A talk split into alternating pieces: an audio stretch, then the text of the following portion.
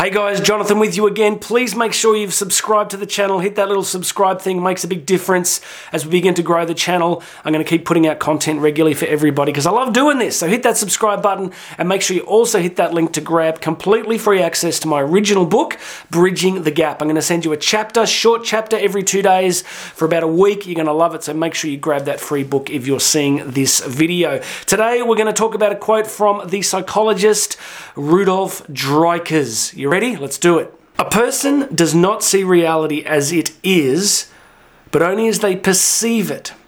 And that perception may be mistaken or biased.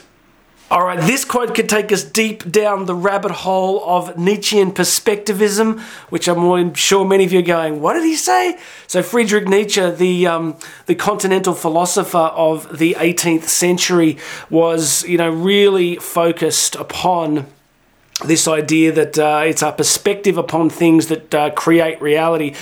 This is a murky area of, I guess, metaphysics and philosophy.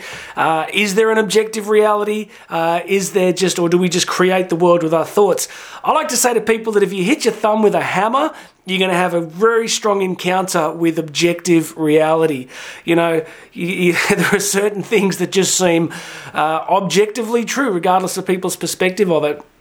You know, and, and, if people want to argue, I think, for a completely subjective basis for reality, that nothing is real except what we decide is real, I draw people's back, uh, draw people's attention back to things like, you know, the bombing of Hiroshima and Nagasaki. These tragic historical events have a very objective character. So I think that there are definitely objective realities. I believe deeply in the concept of knowable truth but what this quote is getting at is, is something different and, and something important that yes, there is difficulty, there is reality, but we do have some control over how we structure it, how we tell ourselves story about stories about what happens to us. So, you know, classically, you can have two people that come through a very similar chaotic, traumatic childhood, and then one of them ends up, you know, addicted to drugs, blowing their life up, and another one doesn't. And this is a mystery. You know, the longer I've done this work, often when I'm interviewed, I say to people that the greatest thing that still I find interesting about this kind of work of personal development and growth is this mystery that's in all of us. That some of us really grow and do difficult things and shape our lives, and some of us don't. And I. You, you can build systems and structures around and I guess that's what I'm trying to do and encourage people but at the end of the day, all of us have this incredible freedom, this incredible freedom to kind of shape our life in particular ways. And that's what Dreikurs is getting at in this quote. This idea that reality is happening to us, but we do get a great deal of control about how we actually structure our experience. And it really is narrative based. It's very much about the stories that we tell ourselves. My good friend Bob Litwin uh, wrote a brilliant book about this, you know, this idea of the stories we tell ourselves. You know, Bob's story is that his wife died of cancer and he was really struggling and he felt that his life had really come to an end. And he went through this long period of telling himself this story. Now there was reality, right, for Bob. There was the loss of, you know, his beloved wife of many, many years. There was this genuine experience of depression and sadness. But then eventually he decides that he'd been telling himself a story about what all this meant. And then he began to tell himself a different story. And it sounds so simple, doesn't it? We just tell ourselves different stories. But the longer I do this, the longer I live, I, I think it's pretty much reality. I, I think that you can really think carefully about the stories you tell yourself about whatever's happening. We do it so quickly.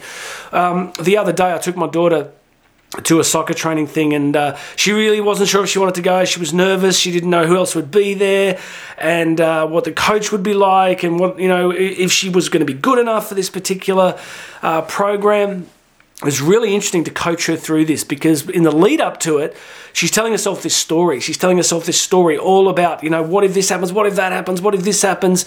It's understandable because we're, we're made that way as a, as a creature, as a human animal. We've evolved to kind of scan our environments for th- threats so she's telling herself the story. She turns up. Coach is an absolutely lovely guy, and it's a brilliant training session, and no problems at all. So can you see that there was reality, right? What was the reality? The reality was a training session was happening. That's the reality. That's the fixed thing that is true.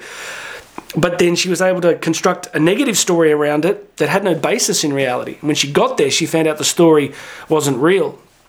So isn't that true? We do so much of our suffering in life on the way, uh, you know, to events, on the way to difficult things, but once we get through it, it's amazing what we do. And I'm going to have a program coming out on that soon. I've been thinking deeply about that issue, about how we do all our suffering before things happen, and I've got some ideas. So stay tuned. In the next few weeks, I'm going to be releasing a short program on that that I think you're going to love. So, summary you get to tell yourself good stories if you want to. So, whatever's happening to you in your life at the moment, I know some of you are going to be watching this thinking, that's impossible, that's ridiculous, you don't know what I'm going through. I don't know what you're going through. But I know that many men and women have been through probably worse. No matter, you know, and you may be going through some difficult stuff, but you can always find somebody who suffered a lot more. But the ability to tell ourselves good stories and better stories, empowering stories, you know, post COVID, we lost a great deal, couldn't travel, um, a lot of stuff broke down for me. But I was on the motorbike the other day and I'm just like, nah, I love to teach. I love to encourage people. I need to just keep going. I tell myself a better story. Got to get reach out to people again. So, friends, whatever you're going through, look at the story you're telling yourself. Look at the perspective you're taking. You can control this. You can. We we we often grow up thinking that uh, you know whatever's going through our head is reality, and I am slowly learning. And I teach this because I'm one of the slowest learners on this stuff. But the truth is, we can tell ourselves much better stories. All right, God bless you, everybody. Uh, please make sure you subscribe. Grab the free access to my book in the links below. My name's Jonathan Doyle. I'll have another message for you tomorrow.